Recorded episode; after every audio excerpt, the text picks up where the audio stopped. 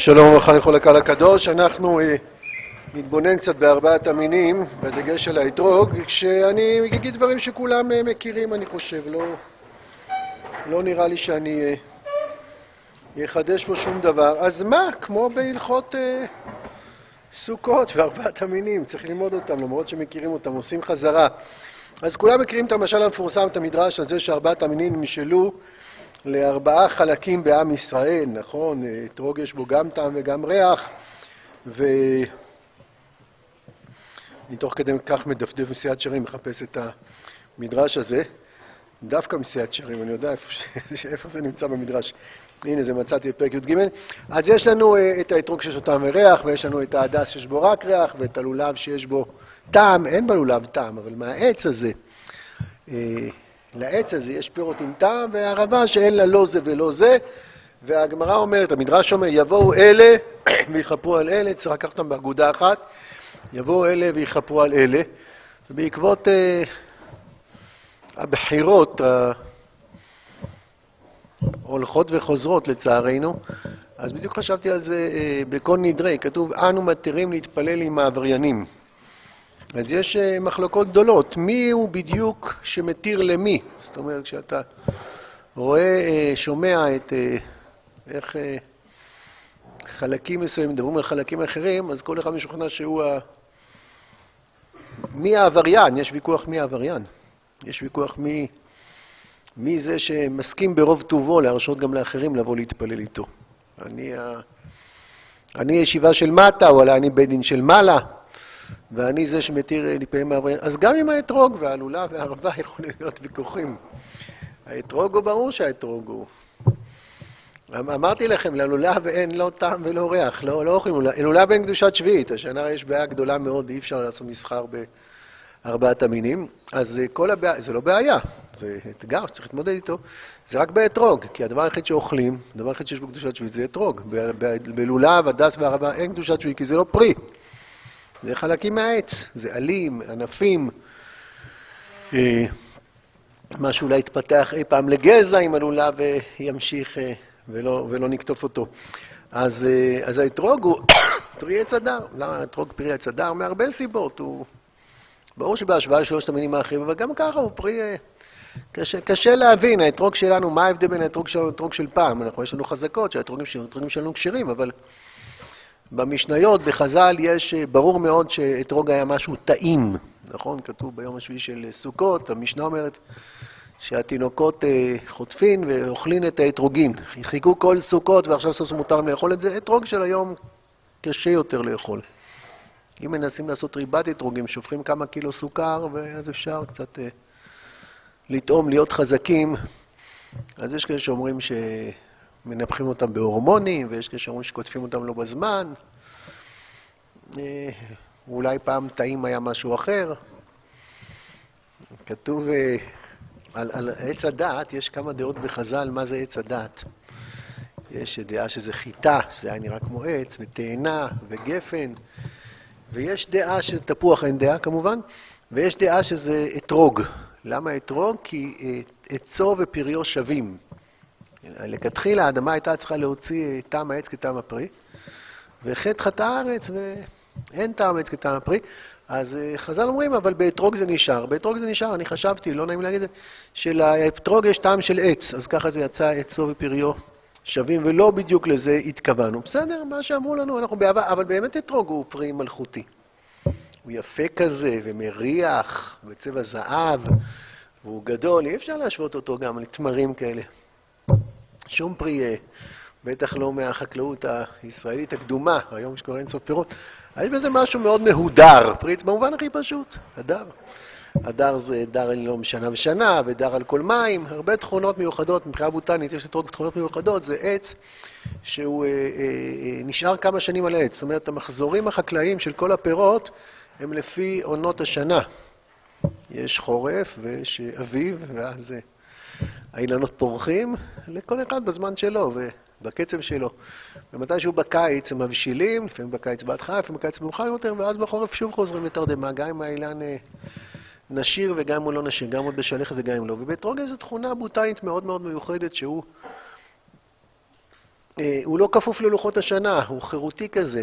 יכולים להיות אה, כמה אתרוגים, אה, כמה פריחות בשנה, והפרי יכול לשבת, אנחנו מקבלים אתרוגים כאלה ענקיים לפעמים, כי הם, הוא דר על כל מה, הם דר, דר זה גם ביוונית, הידרו.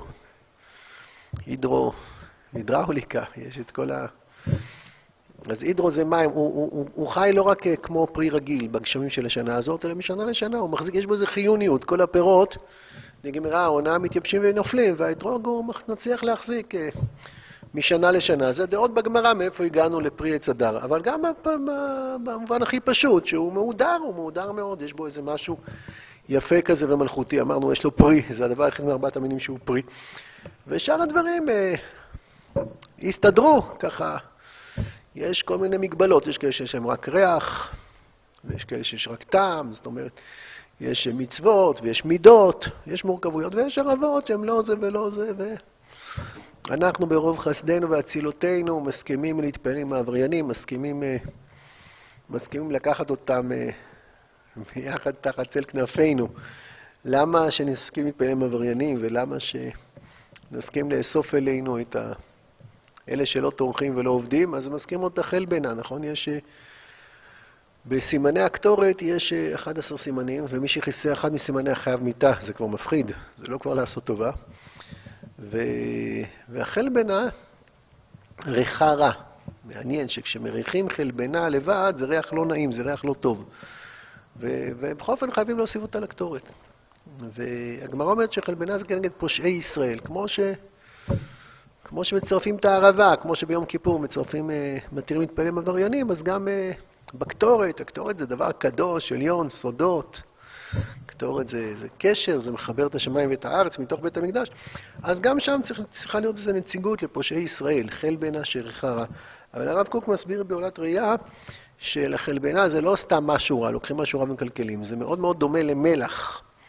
שמלח אה, אה, טעמו הוא לא טעים, קיצור, אין אף אחד שאוכל ארוחת צהריים מלח, לא לוקחים כפית מלח. מלח הוא דבר שהטעם שלו לא טוב, אבל הוא משביח את כל מה, כמעט כל מה ש...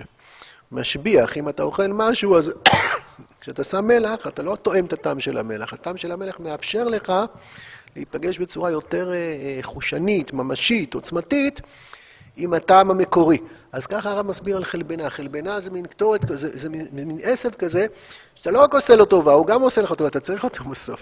כשהוא לבד, ריחו רע. אבל כשהוא מצטרף לכל החבילה, הוא גורם לנו להיות הרבה יותר... אה, אה, באים לידי ביטוי, הוא מדגיש את הריח שלנו, יש פה משהו שמוסיף. אז פושעי ישראל, לפי המשל של הקטורת, הם לא רק כאלה. טוב, נו, גם הם במשפחה, אז בלית ברירה, או עם עין טובה, אנחנו אוהבים אותם ונצרף אותם. אנחנו, זה לא רק עונש כזה, הטילו עלינו תיק ואחריות, אתם חייבים לטפל גם... זה, זה, זה קיומי, זה לטובתנו. זה לטובתנו. שואלים הרבה מה התפקיד של הערבה. בסדר, ההדס והלולב הוא רק מצוות, רק מידות דומות.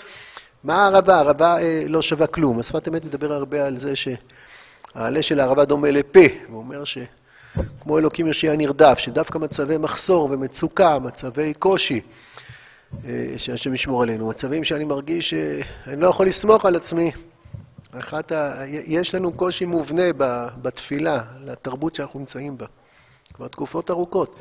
יש בתנ"ך בוודאי, אבל גם אה, להבדיל במקורות אחרים, היסטוריים, הרבה פעמים תיאורים כאלה של, אה, כמו במרגלים, זו דוגמה שלילית במרגלים, הכתוב, ויישאו כל העדה את כולם ויבכו. אנחנו לא מכירים מצב כזה, שכולם בוכים, לא מכירים. אולי בגן ילדים, אני יודע מה, יש הפסקת חשמל.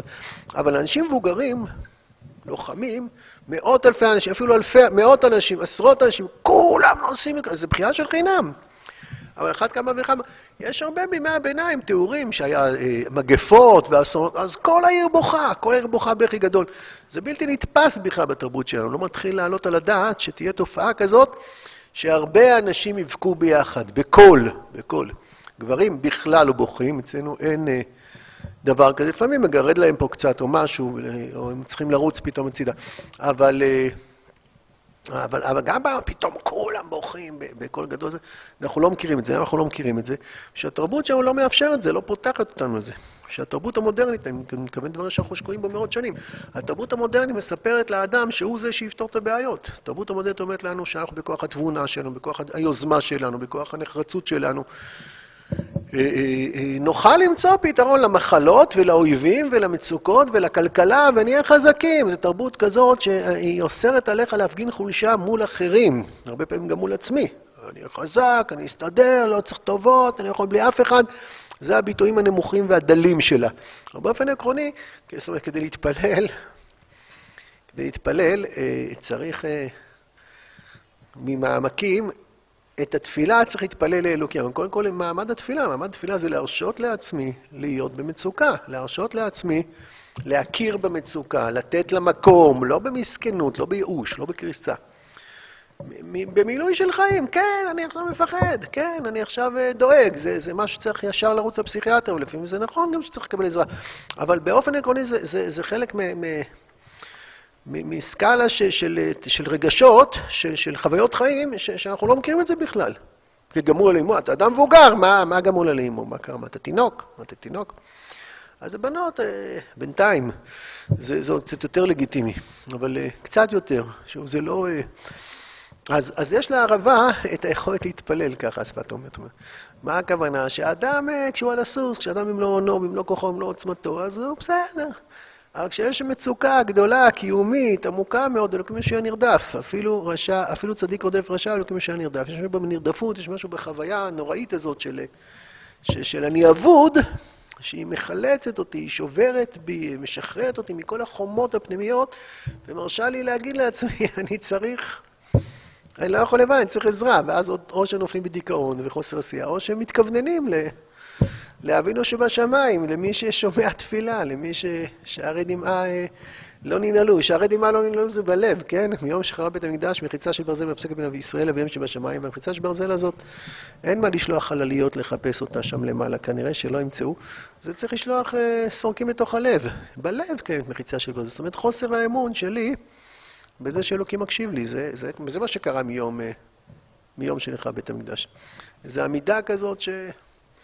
שאני תקוע בתוך עצמי, לא שומעים, לא מגיע לי שישמעו אותי, אני לא ראוי שישמעו אותי, למה מי אני? ושערי דמעה לא ננעלו, כי הדמעות, הן מרסקות את, ה, את הגאוש הזה. הכאב, הכאב הגדול הוא, הוא, הוא השמחה הכי גדולה באיזה מובן אה, שנראה אבסורדי, אבל הוא מאוד מאוד מדויק. אם, אם אני מצליח לקחת את הכאב, כמו כל פרק בתהילים, כל פרק בתהילים, כמעט כל פרק בתהילים יש פרקי הללויה, עליהם אני לא מדבר. הפרקים של תהילים מתחילים בכאב מאוד מאוד גדול, דוד המלך לא מנסה לצמצם את הכאב שלו, הוא לוקח אותו לקצוות הכי הכי הכי אה, אה, מודגשים, ובסוף הפרק פתאום יש הזמרה בכודך בכל לבב, פתאום יש ביטויים חיוביים, מה קרה? מה קרה? קרוב אליך הדבר מאוד, בפיך יוכל לעשות, כי מי אלוקים קרובים אליו, כי מי גוי גדול שלא אלוקים קרובים אליו, כאשר, אלו, כאשר שם אלוקינו וכל קוראינו אליו. קרוב השם לכל קוראיו לכל אשר קרוב באמת. התפילה היא, היא מעמד מאוד מאוד טבעי, אם רק נכיר בה, אם רק נרשה לה, אם רק נשחרר אותה. לא צריך אה, קורסים לתפילה, צריך הרבה, בגלל שאנחנו נמצאים מול הרבה אה, חסימות, הרבה חומות. אבל אם באמת הקריאה הזאת נעשה בטהרה, בכנות, מעומק הדליבה, אז ברור שהוא שומע, זה, אין, אין פה דיונים. זו חוויה כזאת של תפילה ככה שבאה מעומק הלב, ממעמקים, היא נוגעת במעמקים, במעמקי הכאב, אני באמת משליך את עצמי עליו בתפילה. אז, אז, אז, אז, אז, אז אין הרבה שאלות, אני מנסה להסביר מדוע סוף, סוף המזמור בתהילים, מזמורים של קושי, של התמודדות, של סף ייאוש, לפעמים נראה שדוד עבר את סף הייאוש, באו מים עד נפש, אז דימתי ארסי המסה, יש הרבה פרקים כאלה. זה, זה, זה, זה שאני מכוון את הכאב, לוקח את הכאב, נותן לו מקום, יש לכאב מקום, הוא, רק הוא חבוי במסתרים, הוא חבוי אפילו מעיניי. אם אני לא מודע לכאב שלי, אז, אז הוא לא נעלם, הוא לא נעלם. אז הוא יוצא בצורת דיכאון, בצורת כעס, בצורת עין רעה, בצורת תסכול, בצורת חרדות. הוא יוצא בהרבה צורות אחרות. אבל אם הכאב קיים, ואם אני משחרר את הכאב, איך הרב כותב, הכוזרי כותב על, על התפילה שהיא פרי היום של החסיד. החסיד הוא, הוא התפלל שחרית, והוא נרגע, וזה עשה לו טוב, ואז מתחיל מה שהוא עושה, ואז כבר בעשר הוא מסתכל ואומר, מתי, כמה זמן נשאר עד... אה, כמה זמן נשאר עד מנחה? שלוש שעות, בסדר, נהיה חזקים. אחרי זה שעתיים, אחרי זה שעה. מגיע הזמן, הוא רץ כבר סוף סוף, כי, כי יש פה איזה... במשך החיים כולם, ביום-יום אנחנו אה, חזקים, אנחנו באמת חזקים, ברוך השם, ואנחנו פועלים, ואנחנו פותרים בעיות, ואנחנו עושים מה שצריך. בתפילה אני, אני חי באמת, בתפילה הלב שלי אה, נשפך. אז זה מה שהשפת אמת מסביר על הערבה. השפת אמת מסביר על הערבה שהיא, אה, שהיא אה, מתפללת, כשאין לך לא טעם ולא ריח, כשאתה מבין שאין לך טעם ולא ריח, כשאתה מודע לזה שאין טעם ולא ריח. אם כל אחד יסביר למה הוא אתרוג ולמה השני ערבה, ואת מי אני מסכים לצרף לקואליציה, ואת מי אני לא מסכים לצרף לקואליציה, זה אפילו לא ערבה אם אני לא מסכים לצרף אותו לקואליציה, נכון? אז אם, אם יהיו הסברים כאלה, ואם כל אחד יגיד מה, מי, זה לא כל אחד, ברוך השם, זה פוליטיקה, זה לצערנו הרב צריך לקבוע את זה בצבעים אה, מכוערים, אבל uh, זה ממש לא נכון, ברוך השם, זה לא המצב ככה, אבל חלק מהזהירות, יש פה שתי שכבות, אני אומר, שכבה הראשונה שאנחנו מתירים להתפעלים עבריינים, ואנחנו מצרפים לנו את הערבה, וכאילו בואו, בואו, אה, בואו נקשיב, האם באמת אני האתרוג והוא ערבה, אולי זה, אולי זה הפוך. בנו בזמנו אה, שכונה אה, אחוזת אתרוג, שם באור עציון. אז הרב זיני מאשדוד, אני חושב, שליטה, אמר, בתור תלמיד של הרב זיני, אומר, אני הולך לגור באחוזת ערבה. אני לא אה, מחפש לגור באחוזת דור, באחוזת ערבה. אז, אז ערבה, אם, אם באמת ערבה אינו נותן לנו את התפילה, לא צריך לסדר את זה על קבוצות של אנשים, זה גם בתוך הלב. יש בי אתרוג, ויש בי הדס, ויש בי עולה, ויש בי ערבה. וכמו שאני לא יכול להתכחש לאנשים בעם ישראל שהם ערבה, לפי דעתי, אז ככה הכוחות האלה, הצדדים בנפש שלי, שאולי אני חושב שהם ערבה, אולי אין טעם, ב... לא העבירות שלי, כוחות הנפש, הצדדים באישיות שלי, החלקים בביוגרפיה שלי שאלוקים אה, שתל אותי לתוכה. אז זה חלק, אה, לא, לא רק בלי אתרוג לא יוצאים ידי חובה, גם בלי ערבה לא יוצאים ידי חובה. זה הסבר אחד לערבה, שפת אמת אומר. הסבר שני, שאולי הוא נובע מאותה, מאותו מקום, שהערבה היא, אה, יש תכונה מאוד ברורה לכל מי שנוטל ארבעת המינים. שארבעת המינים מחזיקים פחות או יותר מעמד בסוכות.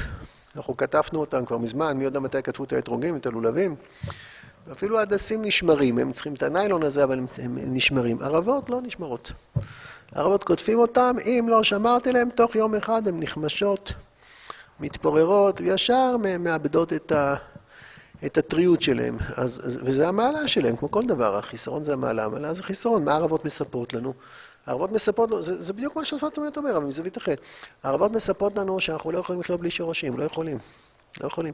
אתרוג, גלולה והדס יכולים לפנטז. יכולים לחיות בדמיונות, יכולים להגיד, אני מסתדר, מה קרה? אני יכול בלי להתפלל, בסדר? זה מכיוון אחר, אבל זה אותו רעיון. אני מסתדר, אני טרי, כותבים אתרוג, הוא רענן, מחזיק כמה שבועות ככה, הכל בסדר, לולב בכלל. אה, שמעתם פה שוב עוד ארבעת המינים, ברמה כתוב ש... נכון שהלולבים של שנה שעברה, באירופה לא צומחים דקלים כידוע, אז לולבים, אנחנו בארץ ישראל ברוך השם, טבעי. אבל לולב אפילו עד שנה הבאה, עוד שנתיים אפשר להשתמש בו. בערבות אין משחק כזה. ערבות זה, זה, זה צמח שמספר לנו שאנחנו חייבים להיות טריים, מחוברים עכשיו. אם הרגע התנתקנו, אנחנו מתפרקים, וזה נכס אדיר, הצורך הזה, הבריא הזה. גם האתרוג אה, מתי מתחילים להזדקן? מתי מתחילים למות? כשמפסיקים להאמין שאנחנו צומחים, כשהחלומות הוגשמו כבר, כשאין לאן אה, לשאוף, אין לאן להגיע.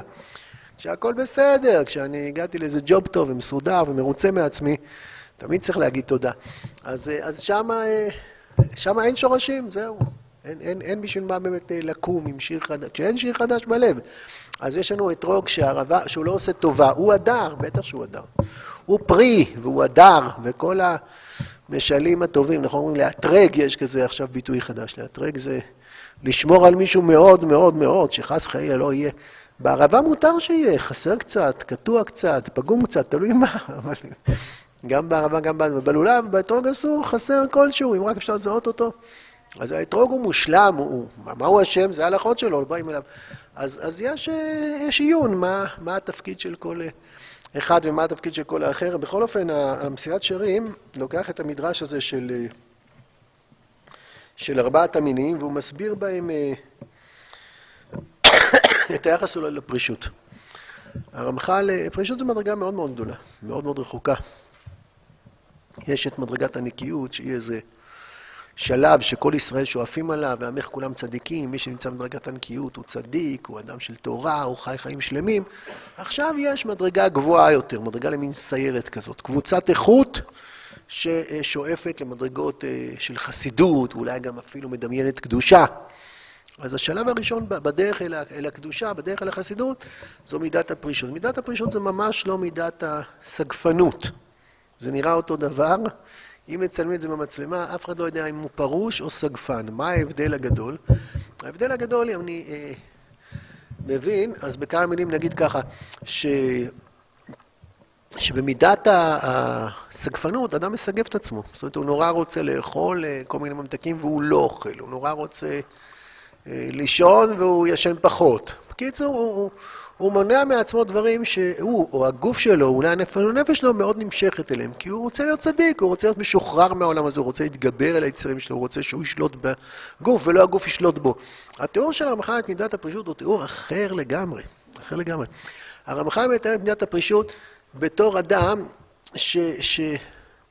הדוגמה הכי פשוטה שאני מביא זה כשבתור ילדים אנחנו משחקים בכל מיני דברים שהם יקרים לנו וחשובים לנו והם אהובים לנו ואנחנו לא מוותרים עליהם וחולפות השנים ואנחנו מתבגרים ופתאום אנחנו רואים את המשחקים האלה של, של הילדות ו, ו, ואנחנו אה, משוחררים מהם כבר. אתה יודע מה, אדם שבכיתה ג' היה אלוף הגולות בבית הספר שלו ומאוד התעניין אם יש לו, אני כבר לא זוכר, נחשית? מה אומרים? נחשית?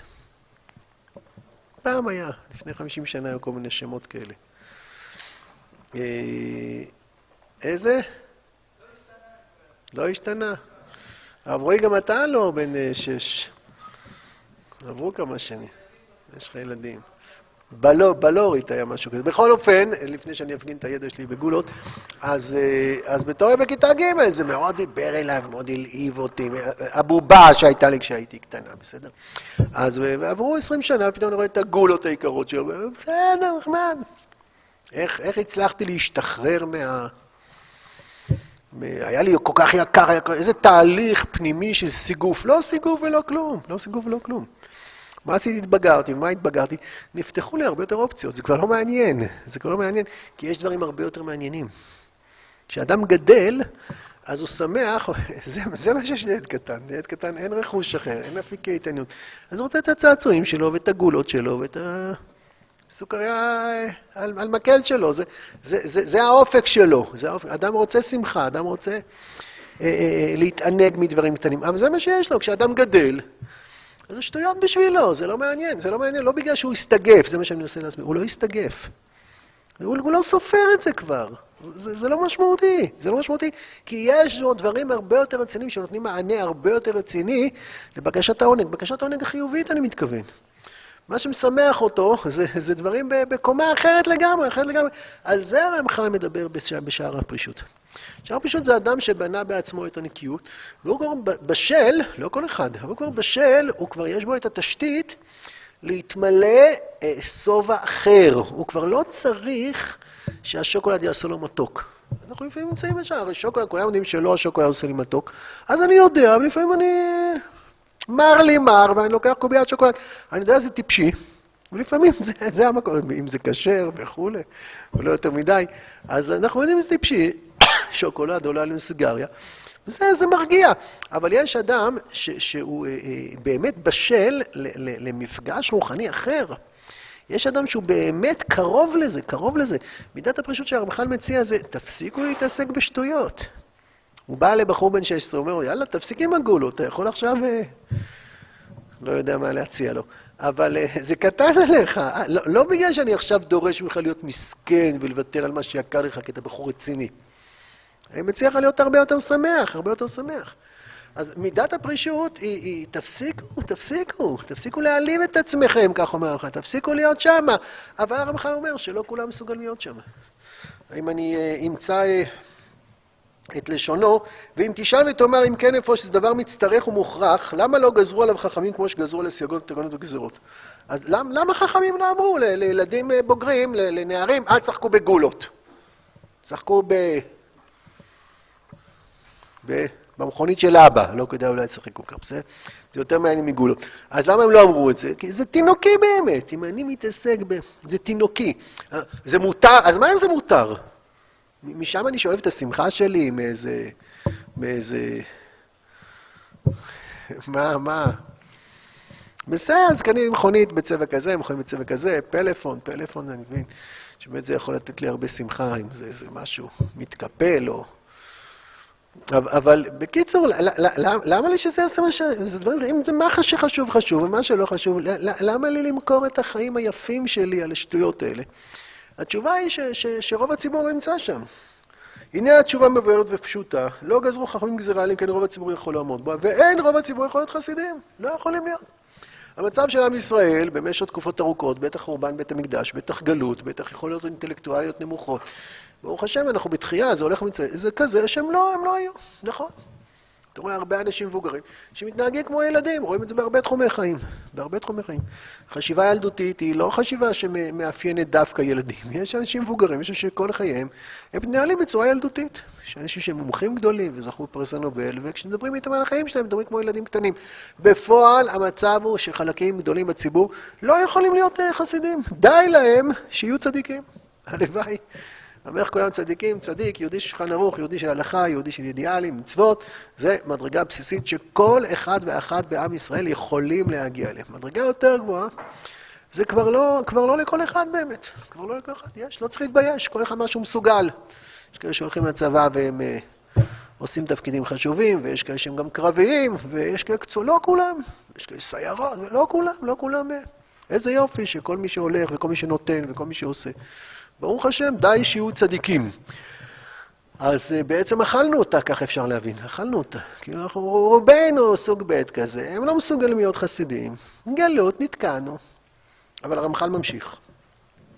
אך השרידים אשר בעם, השרידים זה, אה, למה הוא קורא, הצדיקים, למה הרמח"ל קורא להם שרידים?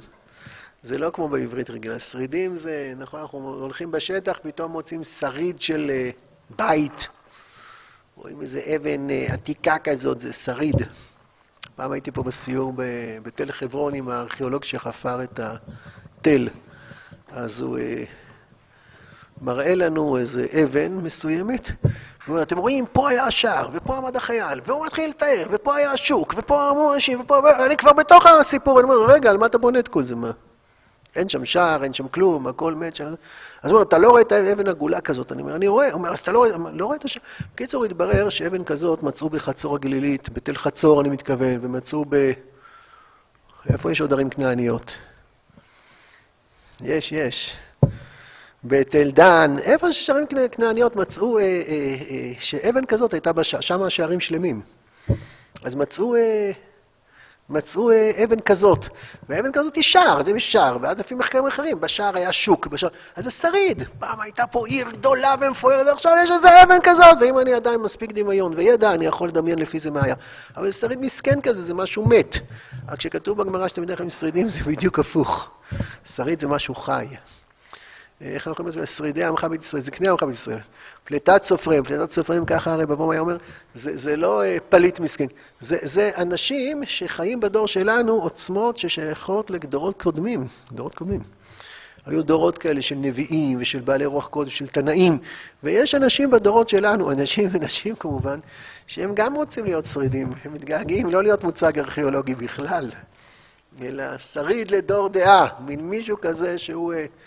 בתוך עמו הוא יושב, כמו שאמרה אישה השונמית, אבל הוא, הוא חי משהו אחר לגמרי. אז מי, למי אה, אה, החלק השני מסיעת שרים? החלק שמעבר לנקיות, החלק של החסידות, למי הוא נועד? לשרידים אשר בעם. מי שריד אשר בעם? זה מי שמחליט, זה קורה בגיל צעיר בדרך כלל. מאוחר מדי זה רק רבי עקיבא יכול. השרידים אשר בעם, יש, אה, יש להם שתי מאפיינים, ככה רמח"ל כותב. המאפיין הראשון, החפצים לזכות לקרבתו יתברך. יש כאלה שהם לא רק רוצים להיות בסדר ולא רק רוצים להיות צדיקים, הם רוצים לזכות לקרבתו יתברך. זה מילים מאוד גדולות שהרמח"ל בספר מנסה לפתוח אותם, להסביר אותם. הדבר הראשון שחפצים לזכות לקרבתו יתברך. אבל זה לא מספיק. השלב הבא ולזכות בזכותם לכל שאר ההמון הנתלה בם. מיד נפתח את זה. אבל הם רוצים לקחת אחריות על עם ישראל. בלי זה אתה לא שריד, בלי זה אתה, גם, גם בלי זה אתה, גם עם זה אתה לא שריד, אבל אתה בדרך, אתה בכיוון. יכול להיות שנזכה לחיות איכות חיים כזאת, קדמונית כזאת. קדמונית ועתידית זה אותו דבר. זה, זה רבדים אחרים לגמרי, אחרים אחרים לגמרי. בתנאי שאנשים לוקחים אחריות על עם ישראל, בתנאי שהם מתירים להתפלל עם העבריינים ולא מרגישים שהם עשו שום טובה לעבריינים, הם מרגישים שהעבריינים עשו להם טובה. משום שלעבריינים האלה, בלי להתווכח מי עבריינים, יש משהו שבלעדיהם שום דבר לא שווה, שבלעדיהם שום דבר לא נכון, שום דבר שלא לא דבר אמיתי. אז השרידים האלה, להם מגיע, אתם רואים, מגיע זה צ'ופר, אני מרשה להם להיות פרושים, זה לא שאני דורש מהם. להם מגיע לקיים משנת חסידים אשר לא יכלו לקיים האחרים.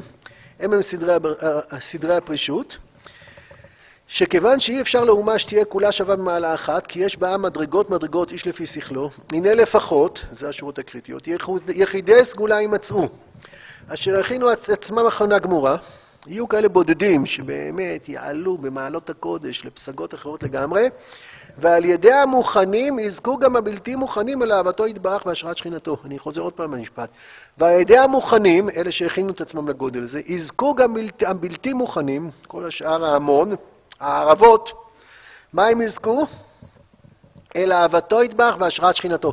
מה זה אהבתו יתברך והשראת שכינתו? מה, מה הרמח"ל כותב פה הפתעה גדולה. מה הכוונה שגם הבלתי מוכנים יזכו לאהבתו? מה זה אהבתו ידבר? שהשם יאהב אותי. בסדר, מי שאוהב אותי זה לא מחייב אותי כלום. מה, מה זה השראת שכינתו? השראת שכינתו פירושו של דבר שכשיש כמה אתרוגים בעם, אם יש קבוצה קטנה של אתרוגים, אז הם לא בזכותם, הקדוש ברוך הוא מאפשר גם לאנשים הנמוכים והקטנים והעלובים והטיפשים לחיות.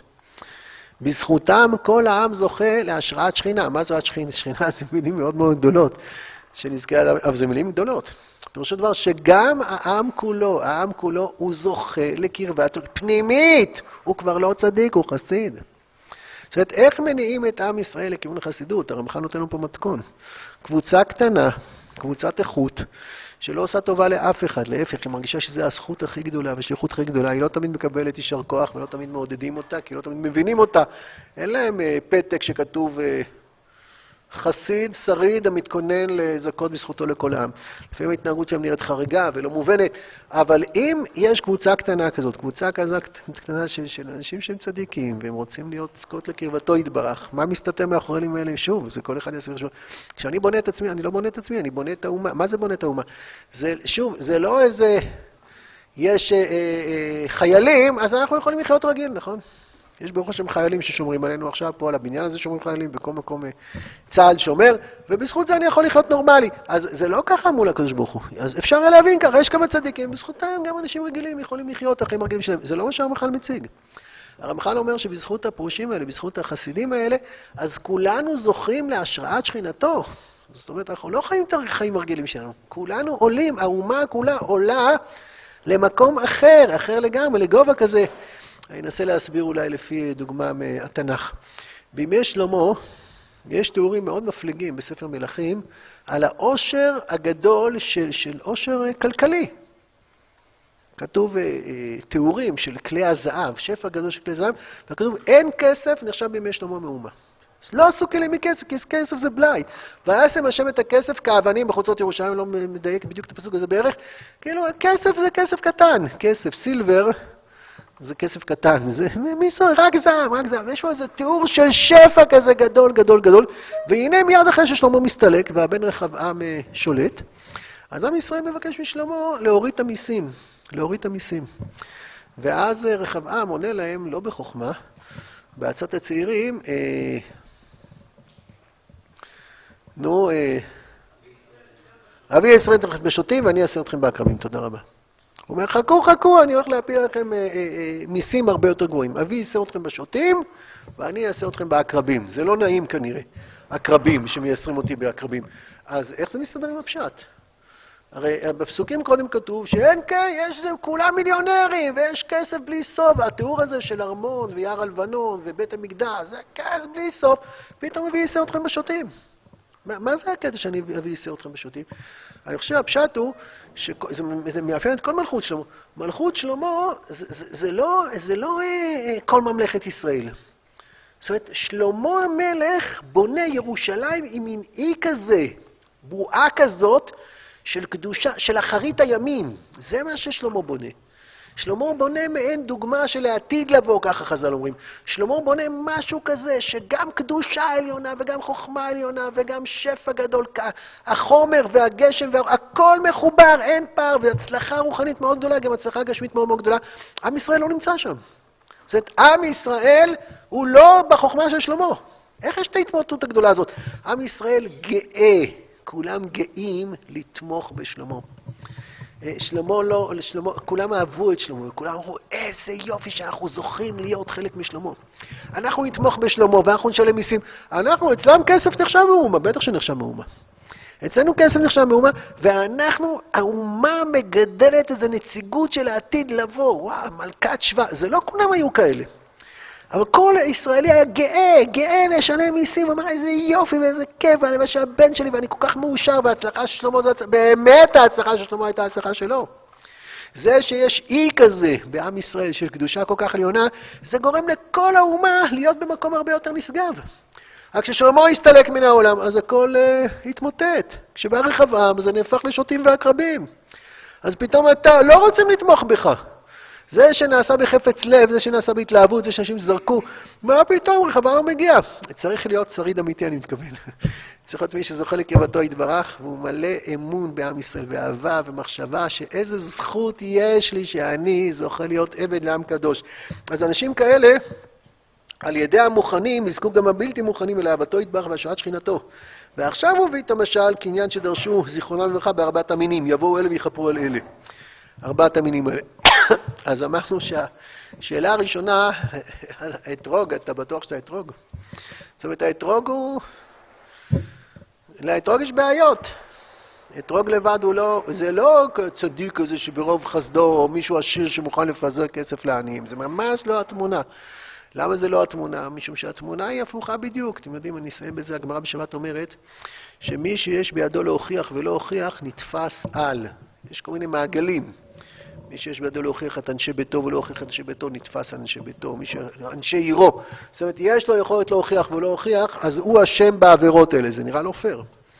העיר עושה עבירות, אנשים עושים, הקהילה שלי חס וחלילה עושים עבירות, הקהילה שלי לא עושים עבירות, אבל אני חס וחלילה עושים עבירות, ואני לא עושה עבירות, אני מצליח להשתחרר מהשפעה סביבתית, מהשפעה חברתית, אני מצליח לא להיסחף אחרי החברה רעה, ואני מצליח להיות צדיק. בסוף אני אגיע לשמיים, חס וחלילה, לא אני, כן? בסוף הוא יגיע לשמיים, ומוחמד פה בחברון, יש בידו להוכיח את אנשי ביתו. והוא יגיע אחרי 120, לא יודע, ניקח דוגמה אחרת. ו... ויגידו לו, אתה אשם בכל העבירות האלה. הוא נתפס בעוון אנשי עירו. למה נתפס? לא, לא, אז לא הוכחתי. אז מה אם לא הוכחתי? ההבנה הפשוטה של הגמרא היא שכמו שאומרים, יש היום 5% חקלאים, נכון?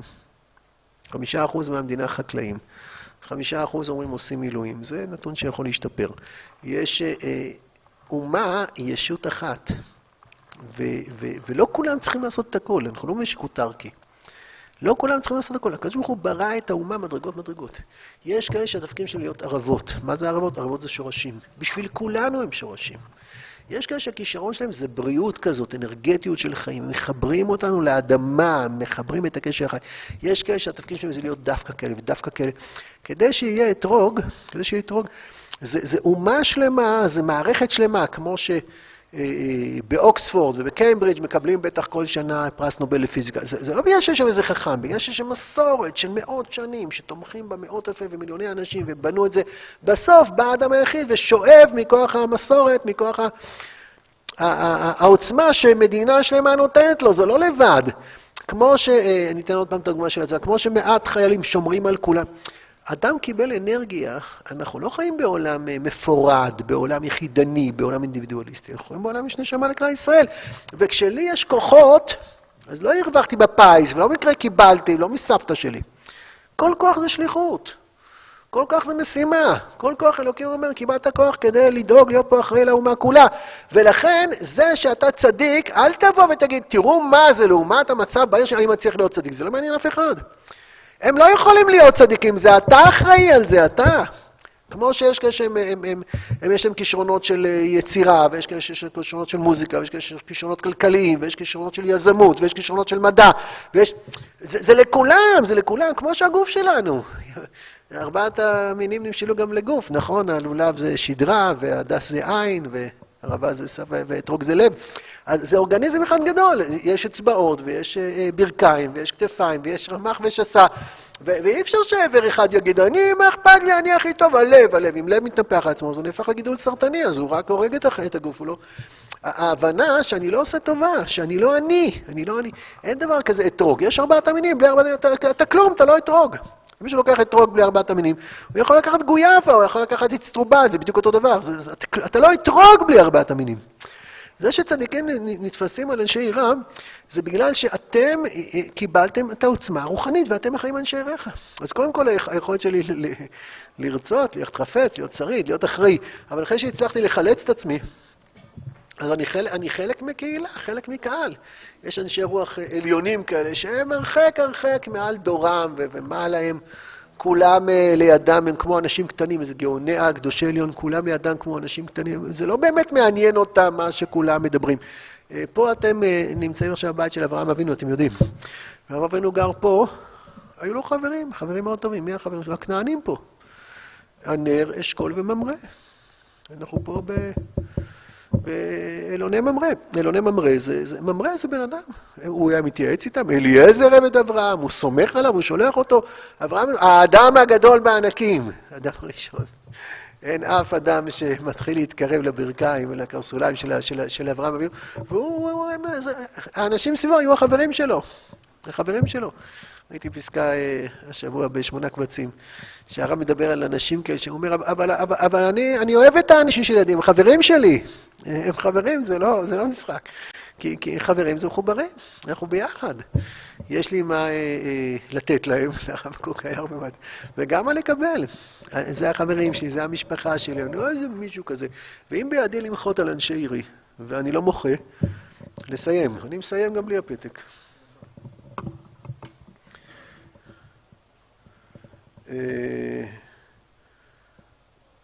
מחילה, צריך להביא לי את הפלאפון שלי. מהכוורות, בטור השלישי אני חושב.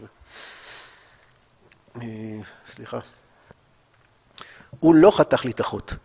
אה, זה החברים שלי. אנחנו חברים, אנחנו לא סתם באותו דור, אנחנו לא סתם ביחד. ואם אברהם אבינו יכול להסתכל על אנשים, מה, מה הפער בין הכנענים האלה בחברון, הנפש שעשו בחרן, אברהם ועשרה, מה הפער בינם לבין הבדואים? פער אינסופי, ולהם נתנו את הנשמה, להם השקיעו. והם לא עושים טובה, הם לא עושים טובה לא. כי, כי באמת הם מבינים ש, שכולנו אלים של אלוקים, ו, וכולנו משימה. יש, יש מי שאחראי על המשימה הזאת, יש מי ש... איך אני אומר תמיד תודה רבה? יש ועדת קליטה, אתם יודעים, יש ועדת קליטה. לפעמים ועדת קליטה מורכבת מהאנשים הנכונים, לפעמים מורכבת מהאנשים הלא נכונים, אבל בוועדת הקליטה לפעמים עושים טעויות. ועדת קליטה יכולה לקחת... אה, ולא לקבל אנשים שאולי היה חשוב מאוד לקבל אותם. אז, אז הם חשבו שלא צריך לקבל אותם, הם חשבו שלא יועילו ליישוב או לישיבה או למדרשה או אני לא יודע מה... אתם מה זה סקרנים על מה אני עושה, נכון? איזה פרט טכני שאני צריך להעביר, זה הכל. עכשיו גם זה אה, יסתיים. תודה רבה. אה, יש ועדת קליטה אצלנו בדור הזה, אתם יודעים? יושב בה חבר אחד, רק הקדוש ברוך הוא יושב בוועדת קליטה הזאת. והוא בדק טוב טוב טוב מי הגיע. טוב טוב טוב מי הגיע. הוא לא שחרר אף אחד שאפשר בלעדיו.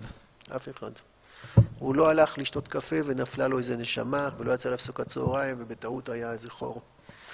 בוועדת הקליטה של הדור שלנו יושב הקדוש ברוך הוא, אנחנו לא צריכים עוד חברים, נכון? הוא יכול להסתדר בלי גרפולוג, בלי סוציולוג, בלי... ואלוקים קבע שאנחנו ביחד. אלה שמעצבנים ואלה שעוד יותר מעצבנים. כל אחד יחליט לבד מי אתרוג, מי לולב. אנחנו ביחד, וביחד נעמוד מול השם. וכשאנחנו ביחד, מצוות השמחה היא מצוות על כל שלושת הרגלים. מצווה על כל שלושת הרגלים. אבל מאיפה לומדים אותה? מסוכות. ושמחת בחגים. אחרי זה בהיקש לחגים אחרים. כשאנחנו ביחד, ביום כיפור היינו ביחד, בסוכות נהיה ביחד, ובעזרת השם שמחה טהורה, אמיתית, עליונה, תשטוף אותנו, תמלא אותנו גמר טוב וכל טוב סלע. תודה רבה.